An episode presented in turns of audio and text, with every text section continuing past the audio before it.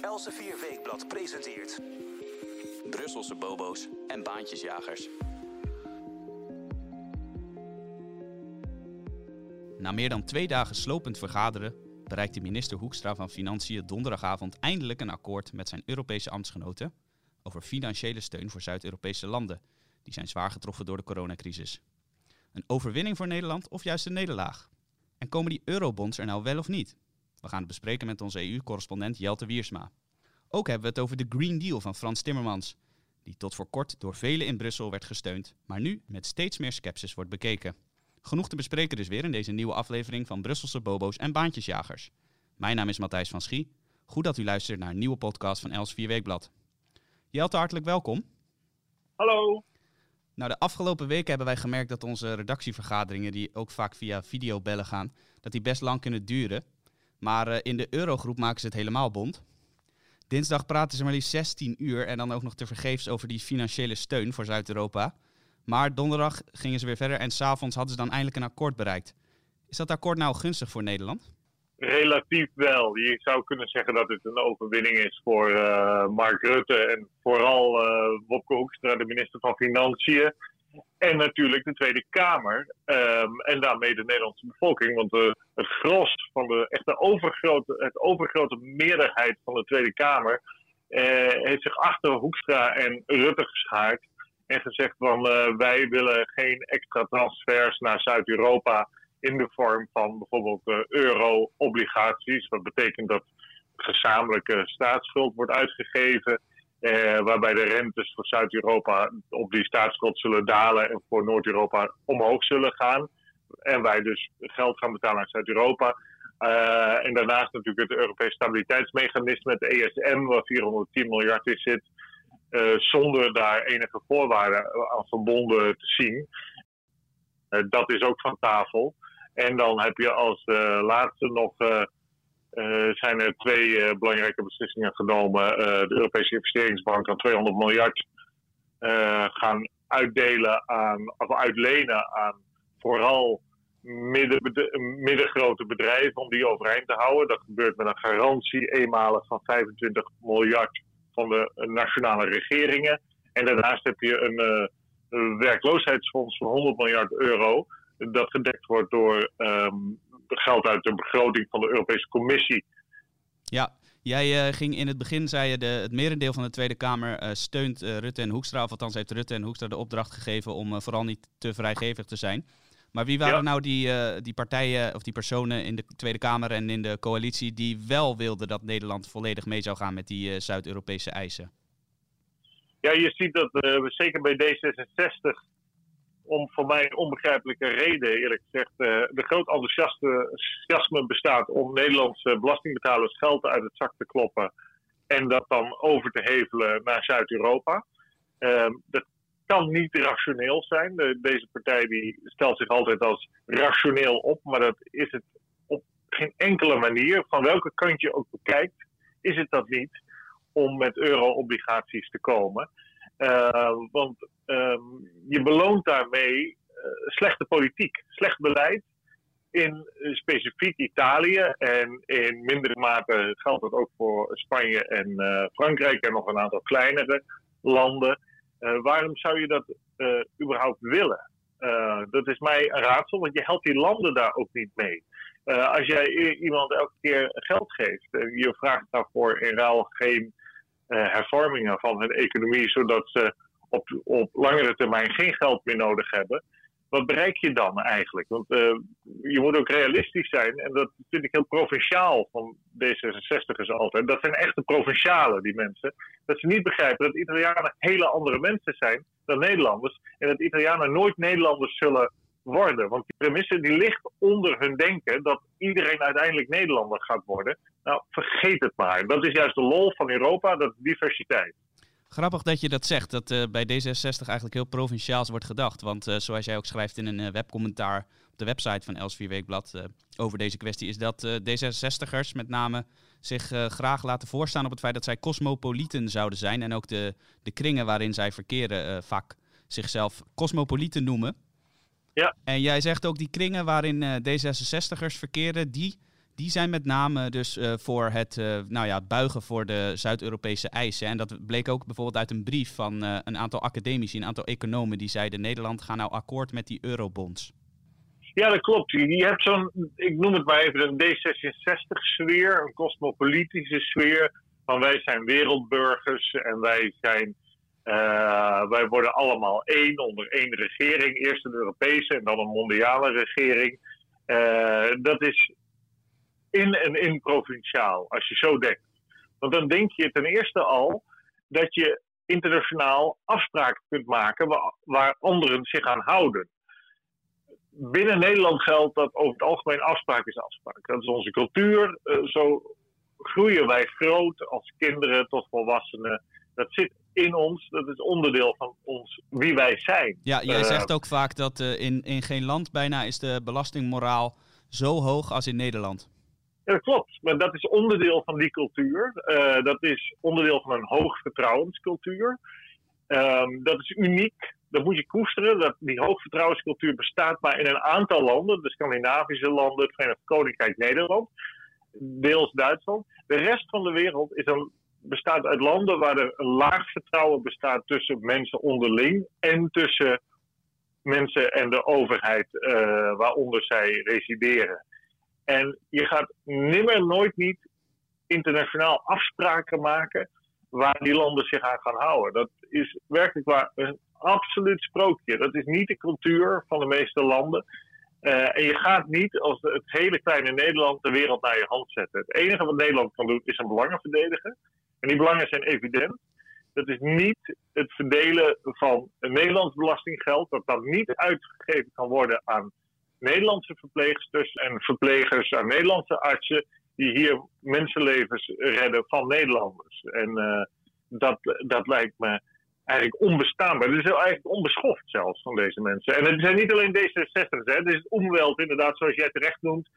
Het zijn academici die grotendeels gecorrumpeerd zijn door de Europese Unie omdat ze geld krijgen van de EU. Het zijn een aantal kranten die hiermee, uh, uh, tv-stations, radiostations. Dus het is een heel omweld. En die mensen vertegenwoordigen bijna niemand. Want iedereen die er spreekt, die is het van harte eens met uh, Mark Rutte en uh, Wopke Hoekstra over uh, welke positie zij hebben gekozen in de onderhandelingen in de Eurogroep. Ja, dat is grappig dat je dat zegt. Dat dus de, dat verschil tussen die beeldvorming inderdaad vanuit media, vanuit bepaalde opiniemakers, politici, dat dat zo groot uh, verschil is met hoe de, de burgers erover denken. De meeste burgers, zoals je ook inderdaad kunt zien aan dus die grote steun van de Tweede Kamer. Nou uh, noemde jij net even het nakomen van afspraken met name Wopke Hoekstra, maar ook uh, Mark Rutte, die zeiden uh, voordat we Italië überhaupt geld willen gaan lenen, moeten zij een aantal strikte voorwaarden voor hervormingen voldoen. Want zoals jij zei, de Italianen hebben de afgelopen jaren toch een redelijke puinhoop gemaakt van hun, hun economie en hun bestuur. Wat zijn dat precies voor hervormingen waar we aan moeten denken? Nou ja, kijk, essentieel natuurlijk in een democratie en om als economie goed te functioneren is dat je een goed functionerende rechtsstaat hebt. Als jij een conflict hebt als ondernemer of als, of als consument met, met uh, een leverancier van producten, dan dat je naar de rechter kan gaan en dat je snel je recht krijgt en dat je weet waar je aan toe bent.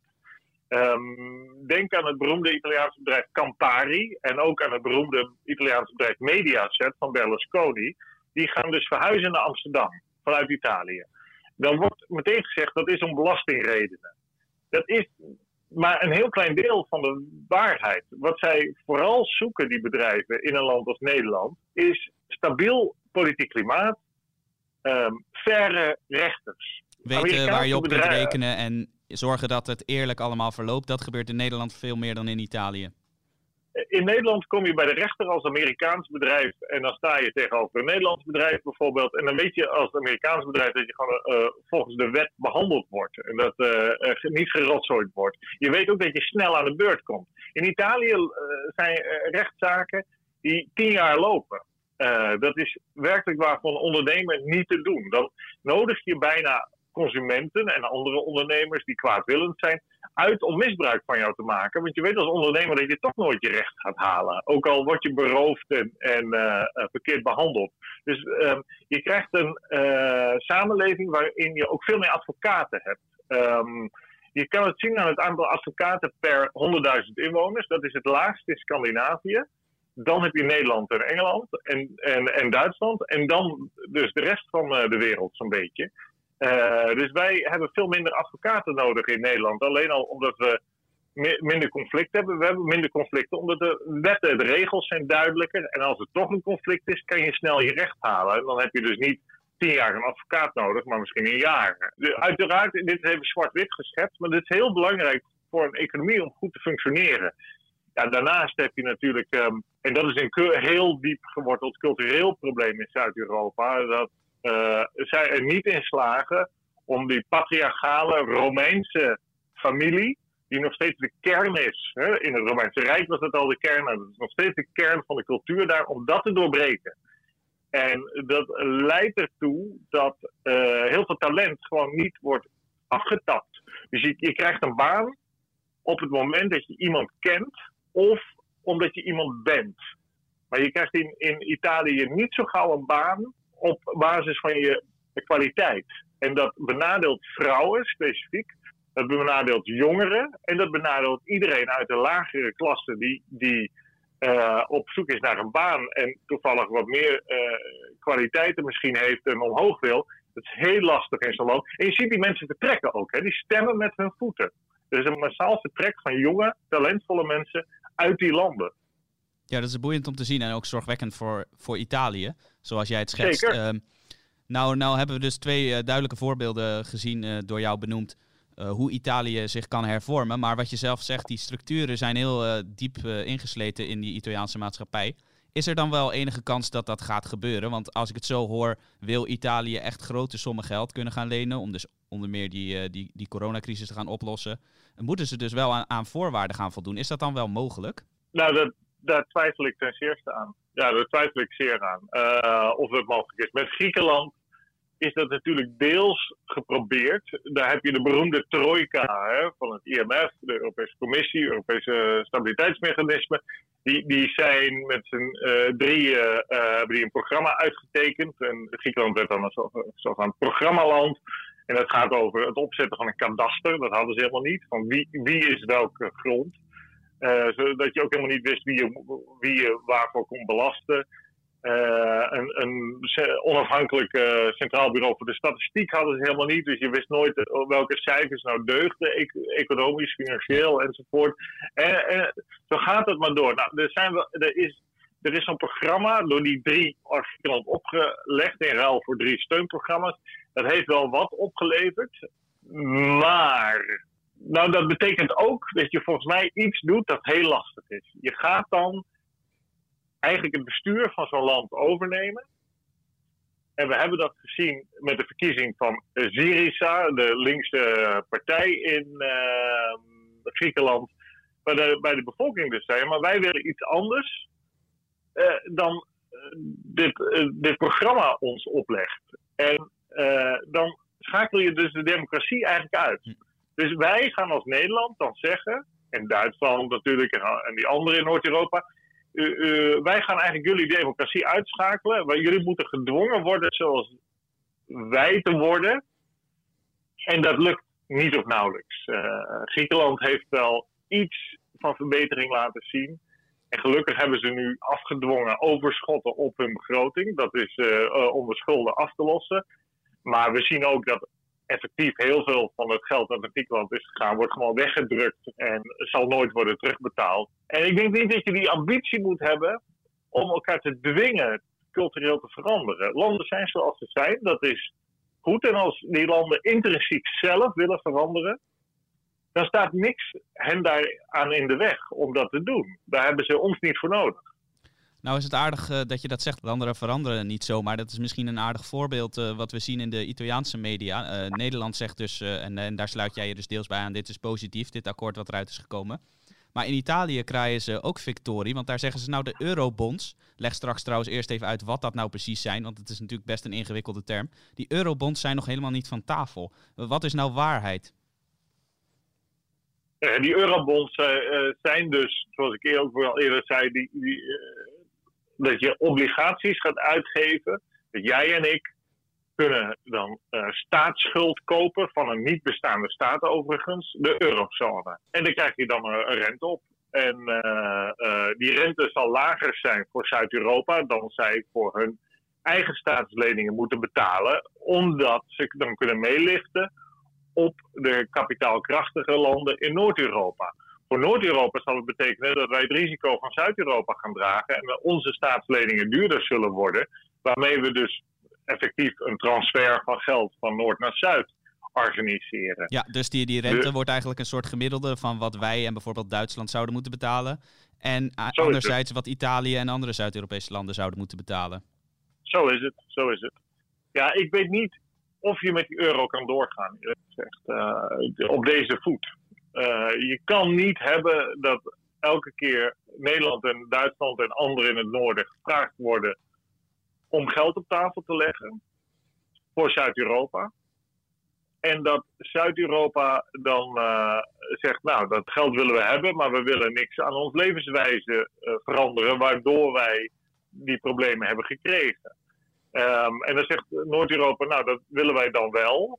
En wij gaan jullie eigenlijk dwingen in een regime zoals wij dat uh, verstandig achten. Ja, dan, dan zit je elkaar te bedreigen, te bedriegen de hele tijd.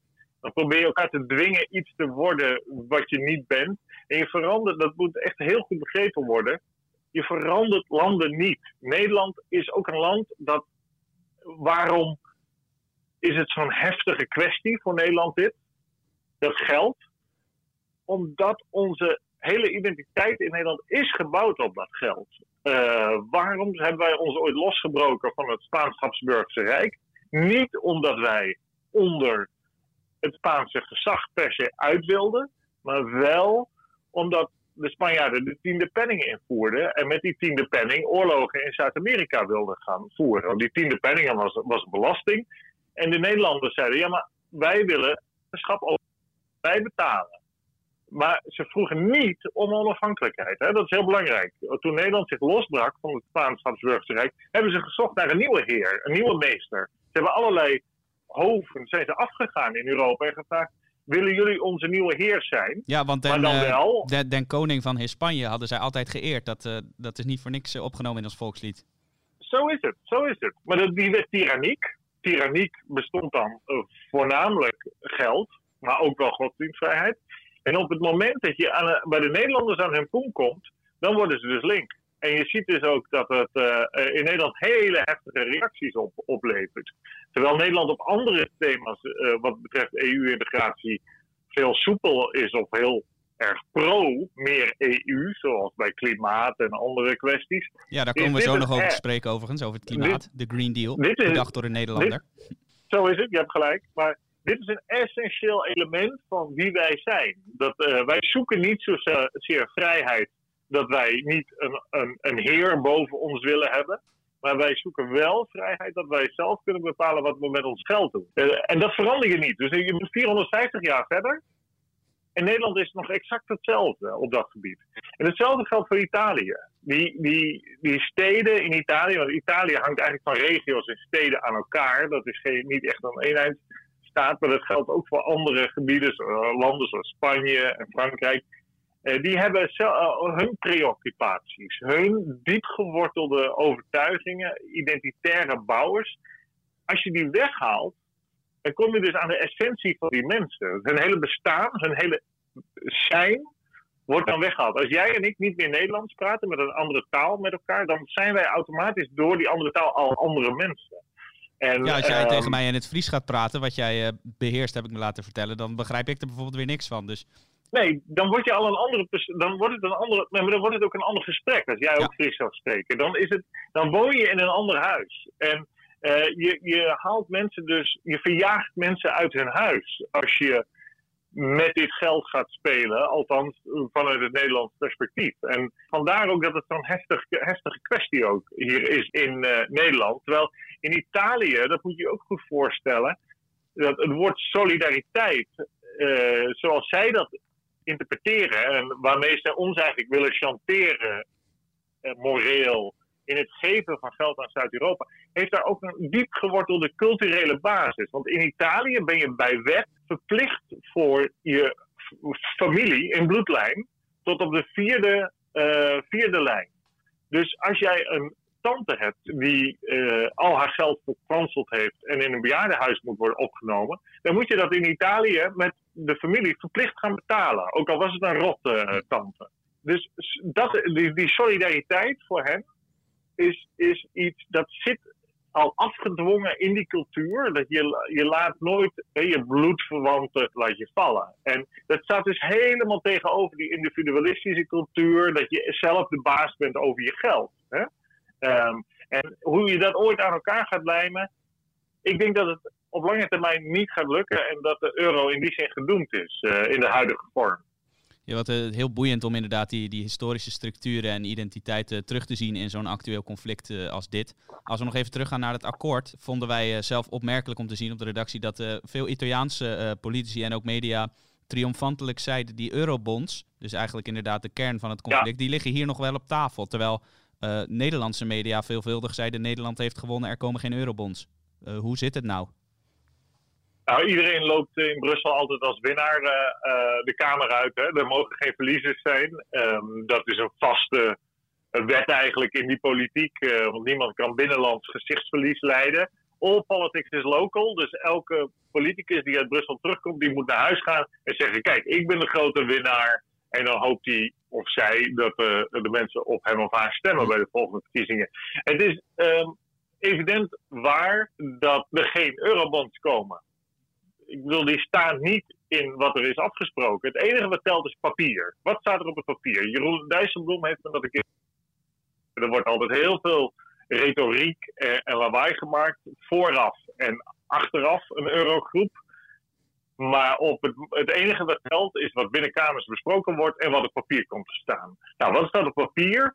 Dat er wel verder wordt gesproken over financiële instrumenten. En dat zou dan het, het, magische begrip moeten zijn dat er in de toekomst toch nog eurobonds gaan komen. Dat blijft nog een beetje open voor interpretatie dus. Ja, dat is, dat, die, die woorden zijn alleen op papier gezet. En ik weet het van mensen die, die tijdens die vergadering erbij waren. Die zijn alleen op papier gezet, zodat de Italiaan nog thuis kon komen en zeggen: Kijk, de eurobonds zijn nog niet van tafel. Maar Bruno Le Maire, de Franse minister van Financiën, die was er al klaar mee. Die zei: Dat hoeft voor mij niet eens. Dat was alleen nog voor de Italianen, omdat die zoveel lawaai hadden gemaakt. Die hadden het zo hoog opgespeeld dat uh, Gualtieri, laten we wel zijn, dus een communist. Hè? Dit is uh, een, een, man die Gramsci's bibliotheek beheert. Gramsci, natuurlijk de beroemde communist uh, waar je de honden geen brood van ja. lusten de hele enge mensen zijn dit. Marxist, ja. Die, eh, die, man had het zo hoog opgespeeld, dus hij, hij moest wel iets met thuis, uh, thuiskomen. Hij komt dus met drie woordjes thuis, die effectief niks inhouden. Zeker niet zolang Angela Merkel, en die herhaalde dat op woensdag nog, terwijl de eurogroep geschorst was. Die eurobonds die komen er niet. Die zei gewoon 999, dat gaat niet gebeuren. Uh, wat er wel is gebeurd natuurlijk, is dat het, dat het werkt. En dat is wel een groot risico hoor er is dus een tijdelijk werkloosheidsfonds van 100 miljard opgezet. En dat wordt dus gefinancierd uit de commissiebegroting. De geschiedenis leert dat als een deurtje één keer van slot, het slot gaat, dan is het veel makkelijker om hem verder open te duwen. En deze, dit werkloosheidsfonds is al tijdelijk. Dus dit loopt gewoon af in de tijd, als het geld op is. Uh, en hoe gaat het dan verder, dan is natuurlijk best de kans dat gezegd wordt van hé, hey, dat moet verlengd worden en dan moet nog een keer 100 miljard tegenaan en nog een keer 100 miljard. Hetzelfde geldt voor natuurlijk het ESM. Daar is 240 miljard van de 410 dus beschikbaar, maar alleen voor medische steun. Ja, dat klinkt, voor, dat, klinkt als iets waar eigenlijk niemand tegen kan uh, zijn. Gezien de, de nee. tafereelen die we vanuit de Italiaanse ziekenhuizen uh, iedere dag op uh, tv zien. Lijkt dat heel, zo. heel normaal en ook heel terecht dat ze die krijgen. Nee, zo is het. Je hebt er absoluut gelijk. Die ESM-lening, maximaal dus van 240 miljard euro aan dus alle landen. Nederland kan daar ook uit putten. Voor Nederland geldt dat dat geen geld gaat lenen uit die ESM-pot. We hebben het niet nodig voor Zuid-Europa geldt dus, ze mogen het alleen gebruiken, en het is een lening nogmaals, hè, als ze het gebruiken voor medische kwesties en niet zoals ze heel graag hadden gewild voor het versterken van hun economie. Daar mogen ze het niet voor gebruiken. Dat staat expliciet op papier. Dus zo moet je dat interpreteren. Dus ik kan niet anders uh, dan zeggen dat Hoekstra en daarmee Nederland en de Tweede Kamer uh, een, een prachtige overwinning hebben behaald. Doordat er eigenlijk geen uitkomst is, behalve uh, dus het werkloosheidsfonds en medische hulp vanuit het ESM, dat zegt niet dat de deurtjes niet op een kier zijn gezet. En daar zit een risico in, vind ik. We, we weten uit de geschiedenis, deurtje open, wordt zomaar verder opengeduwd. Dus ik ben sceptisch of dit niet de opmaat is naar nog meer transfers. Maar goed, voorlopig was dit een overwinning van Hoekstra. En hulde voor hem dat hij zo uh, kranig zich geweerd heeft. Want hij kreeg van alle kanten, uh, of het nou van kranten was of van, vanuit, laten we zeggen, de academische sfeer, weer, weerstand. Ehm, maar hij heeft gelukkig geluisterd naar de gewone man een beetje een Trump aan het worden bijna. Hè? Nou, ja, zou hij daar blij mee zijn zelf? dat weet ik niet. Maar hij, hij luistert meer naar de, naar de gewone man, waartoe jij en ik misschien ook wel behoorden, waarschijnlijk wel behoorden. Dat, dat, weet ik wel zeker eigenlijk. Ik in ieder geval. Ik ook hoor, Jelt, maak je geen zorgen. Oké, oké. Okay, okay. dan dat hij luistert naar de zogenaamde cosmopolieten. En dat is een absolute pluim waard wat dat betreft.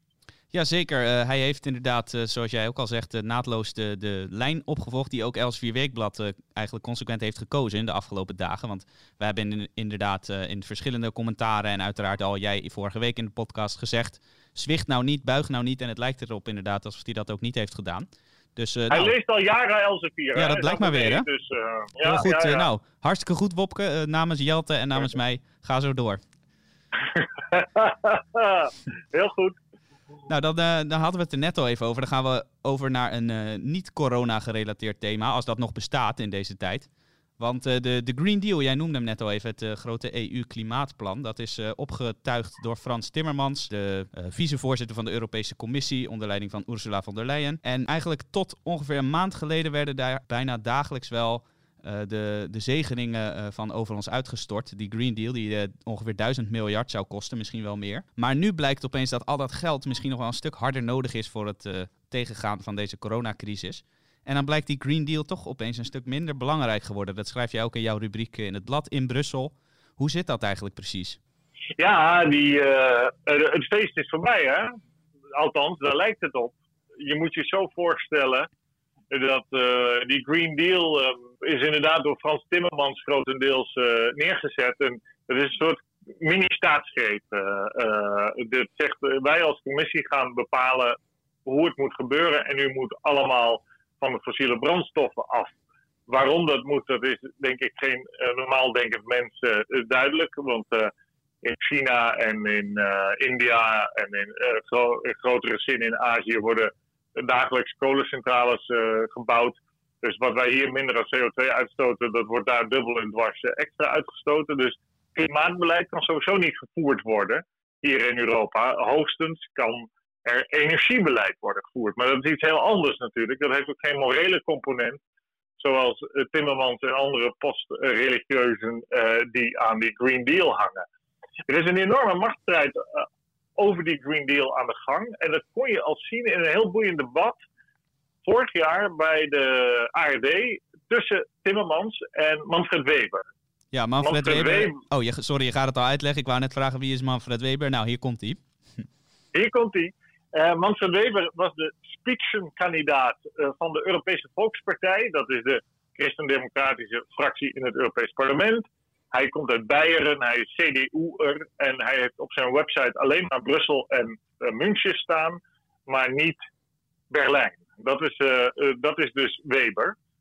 Berlijn is voor hem Pruisisch, protestants ver weg. En hij is natuurlijk een katholieke Beier en een Mittel-Europeër. Dat zijn andere mensen dan de mensen uit Berlijn. Daar zie je die regionale verschillen weer waar jij het net over had. Dat, dat komt hier altijd weer naar boven. Waar, altijd waar, altijd waar, komt altijd terug.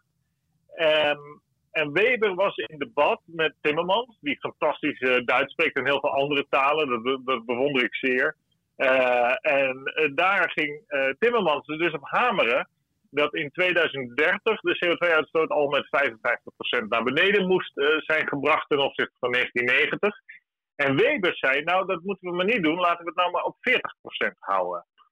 En um, Timmermans vindt aan zijn zijde Mark Rutte, Emmanuel Macron, de Scandinavische landen en nog een aantal.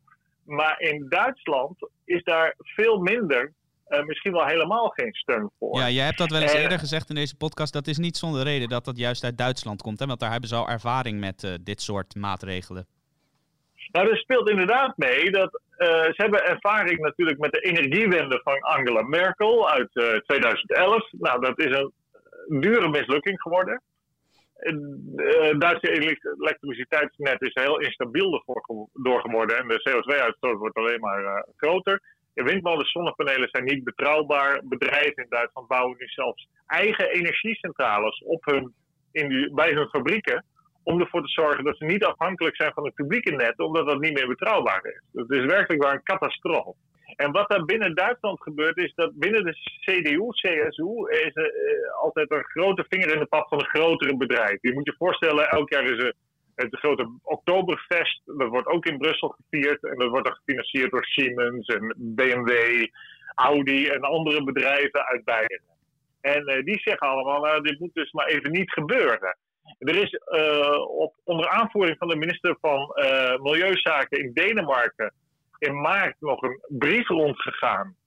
En die is getekend door elf landen. Die hebben gezegd die Green Deal moet doorgaan. Maar van de 28 of nu nog 27 EU-landen hebben de overige 16 die brief dus niet getekend. Die hebben gezegd nee, dat gaan we niet doen. En je ziet dat daar nog een spel achter zit. De Europese Commissie, daarvan wilde Weber de president worden, de voorzitter. Als spitsenkandidaat vond hij dat hij daar recht op had. Het Europees Parlement steunde hem daarin. En hij werd ook met zijn EVP de grootste partij. Dus hij moest en zou commissievoorzitter worden. Macron, Macron heeft gezegd: never, nooit niet. Met steun van Rutte. Dat spitsenkandidatensysteem, waarbij automatisch de winnaar van de verkiezingen, de aanvoerder van de grootste fractie in het Europees Parlement, de leider wordt van de commissie, de voorzitter. Daar wil ik vanaf wij als regeringsleiders moeten bepalen wie de baas is in de Europese Commissie.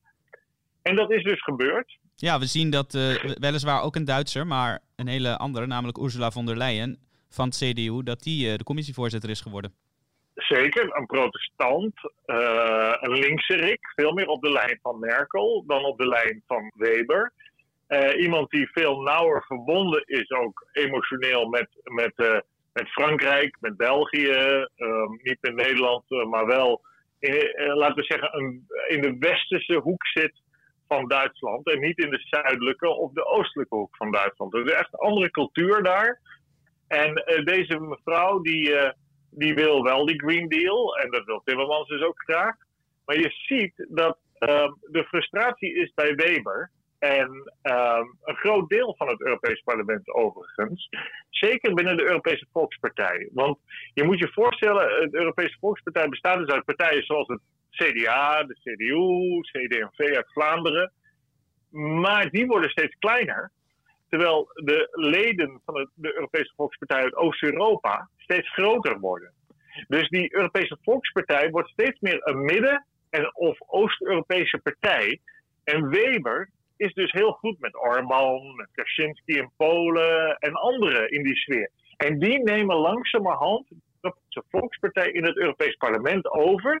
En die rebelleren tegen die Europese Commissie, die dus aangesteld is door de regeringsleiders. Ja, dat is uh, inderdaad een, eh, een boeiende observatie. Want vanuit uh, Centraal- en Oost-Europa, je noemde ze al Orbán, Kaczynski, Hongarije, Polen is natuurlijk uh, de weerstand tegenover Frans Timmermans, om maar even terug te keren naar die bedenker van de Green Deal. Die weerstand tegen Timmermans is heel groot. En dat zie je nu dus ook terug in het uh, Europese krachtenspel.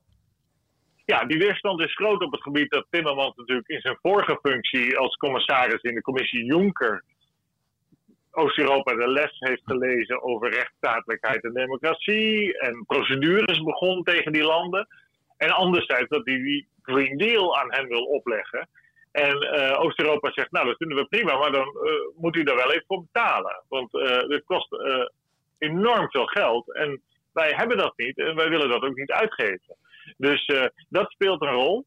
Wat nog zo voor mij althans heel boeiend is, is dat onder de commissie Juncker had je een andere krachtsverhouding. Onder de commissie Jonker was de spitsenkandidaat destijds, in 2014, van de Europese Volkspartij. En de regeringsleiders kwamen niet, onderling niet uit wie commissievoorzitter moest worden. En toen uh, is het uiteindelijk eigenlijk tegen de zin van Orbán en van David Cameron, de Britse premier, uh, is toen uit armoede de meerderheid van de Europese Raad, van de regeringsleiders, maar akkoord gegaan met Jonker. En Juncker die steunde dus op een grote meerderheid in het Europees Parlement. En je had dus een commissie en een parlement samen die één blok vormden. Die, uh, de commissie wist dat ze altijd een meerderheid had voor haar voorstellen in het Europees Parlement. Dus het was een soort applausmachine eigenlijk voor de commissie. Zo is het, zo is het. Die twee werkten in elkaar mee en die uh, waren uitgebreid pro-integratie. Maar dat in de zogenaamde uh, trialoog, dus de regeringsleiders, de commissie en het parlement, had je dus altijd twee die samen onder één hoedje speelden. En dat is nu weg.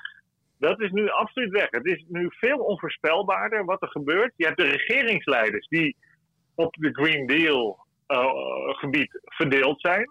Je hebt dus een, een, vleugel met 11 landen die voor zijn. Je hebt een vleugel met 16 landen die zich koest houden. En die zitten dus meestal in Zuid-Europa. En Duitsland uh, is dus ook niet bij die ondertekenaars van die eerder genoemde brief. Je hebt dus in het Europees Parlement ook veel meer verdeeldheid. Binnen fracties, zoals die Europese Volkspartij. Dat is een partij die gebouwd is vanuit het idee zoveel mogelijk kikkers in één kruiwagen houden. Dan zijn we groot en hebben we de macht. En die willen altijd verenigd stemmen. Die willen niet verdeeld stemmen. Bij andere fracties is het volstrekt gebruikelijk dat landen uh, per land gestemd wordt. Dat bijvoorbeeld een Nederlander iets anders stemt dan een Fransman binnen dezelfde fractie. Bij de Europese Volkspartij proberen ze dat altijd te voorkomen. En dat lukt ze steeds minder. Er wordt nog wel beleden formeel door Weber en andere kopstukken daarvan. Oh ja, die Green Deal, dat is allemaal heel goed en zo. Maar ondertussen stoken ze aan alle kanten en proberen ze van der Leyen, eh, niet hun vrouw, dat is een, een, een, een liberale christendemocraat uit het westen van Duitsland. Uh, dat, is, dat is geen conservatief uit, uit Centraal- of Oost-Europa. Hij heeft andere opvattingen om die te ondermijnen. En dat is uh, echt een heel ander krachtenspel. Het is veel onvoorspelbaarder nu geworden wat er gebeurt. Ja, dat uh, is interessant. Kun je dan ook zeggen, uh, misschien maak ik nu een te grote sprongen, maar doordat die verdeeldheid dus in het parlement en ook onder regeringsleiders groter is geworden, dat de, de Europese Unie, uh, althans de verschillende organen daarvan, misschien iets democratischer zijn geworden? Of gaat dat te ver? Ja, dat vind ik op zich dat je dat in die zin kan zeggen, dat als jij democratie inkleedt als, of apprecieert als een debatcultuur, dan kan, eh, kan, ik ja zeggen. Als je democratie apprecieert als, nou ja, er is een meerderheid en hoe die tot stand komt, uh, dat maakt er niet uit, dan zeg ik nee. Dus het is een beetje hoe je het begin democratie invult. Wat mhm. mij betreft betekent democratie dat de meerderheid rekening houdt met de minderheid. Maar zo wordt het niet altijd uh, geïnterpreteerd door anderen. Die zeggen gewoon, ja, de meerderheid is de baas. Um, dat kan, dat kan. Het is in ieder geval levendiger, het debat. Het is scherper. Uh, ik sprak met uh, Dirk-Jan Epping, uh, oud Elsevier, columnist natuurlijk, die jarenlang vanuit Amerika geslacht mm deed voor, in prachtige columns. En als eerste in Nederland de overwinning van Trump voorspelde. Ehm, wat heel knap was. Epping die, die zag al wat er gebeurde. Die, die zei de Europese Volkspartij, die doet dat niet hardop. Hè? Dat, zijn niet, dat is niet de aard van die mensen. Maar wat ze doen is, ze hebben die Green Deal naar de juridische commissie van het Europees Parlement gestuurd. Mhm. En die juridische commissie die wordt gedomineerd door de Europese Volkspartij. En wat doet die dan? Door Klaus Welle, de secretaris-generaal van het Europees Parlement. En die juridische dienst van het Europees Parlement heeft naar uh, de Green Deal van Timmermans en van der Leyen gekeken. En die heeft gezegd van, ja, dit deugt niet, want dit stelt effectief het parlement buitenspel, deze Green Deal. Nou, dat is zoals Epping het noemt een kiss of death, een doodskus. Die wordt dus even uitgedeeld. Dat Toepasselijk in deze paasdagen, een doodskus. Ja, ja, dat is waar. Jij bent bijbelvast, dat weet ik. Um, die, uh, ik moet nog wat leren op dat gebied. Uh, ja, dat valt volgens mij wel mee hoor. Nou ja, Soms denk ik, welke passage was dat ook alweer? Maar, maar goed, ik moet er wel om lachen dat, hoe dat gaat binnen die, die, dat Europese parlement en die machinaties. Die Europese Volkspartij gaat dus niet rechtstreeks zeggen die Green Deal willen we vanaf, of die is dood, of die willen we afzwakken. Nee, ze sturen het naar de juridische afdeling en die zegt: die Green Deal van Timmermans is illegaal. Dat voldoet niet aan de regels. Dat, is hoe, dat is hoe ze hem slopen. En uh, nou ja, dan snap je een beetje hoe die politiek werkt daarbij. Dus je zal nooit een EVP'er horen zeggen op tv: die Green Deal is dood. Dat gebeurt niet. Um, maar hij denkt het misschien wel. Oh, zo is het. Ze gaan er toch aan morrelen.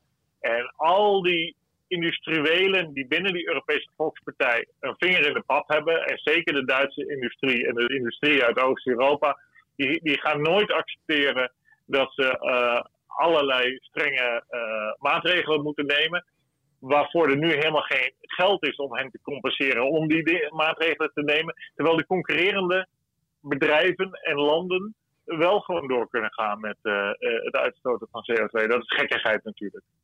Ja, nou, je zou bijna zeggen dat uh, we hebben net over die eurobonds gehad. En daar is Nederland dus succesvol voorlopig voor gaan liggen. De, de Green Deal, waar jij ook vaak kritisch over hebt uitgelaten, daar ontstaat nu steeds meer weerstand tegen.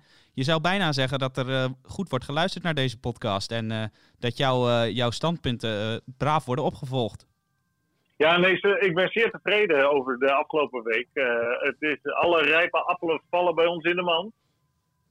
Nou, inderdaad. Ik zou zeggen, het is gewoon common sense, gezond verstand in uh, goed Nederlands. Uh, om niet die gekkigheid van die Green Deal te laten doorgaan. Hetzelfde geldt met die eurobonds en al die andere. Het is, het is ook niet links of rechts, het is ook niet progressief of conservatief. Volgens mij kan je er helemaal geen kwalificatie aan geven.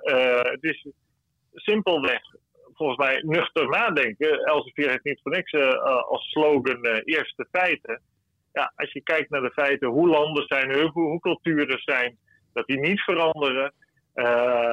Dat de CO2-uitstoot toch zal toenemen. Nou, nu dan in de coronatijd niet. Dat we, dat we zeker nog decennia fossiele brandstoffen nodig zullen hebben om een hoge kwaliteit van leven in stand te houden.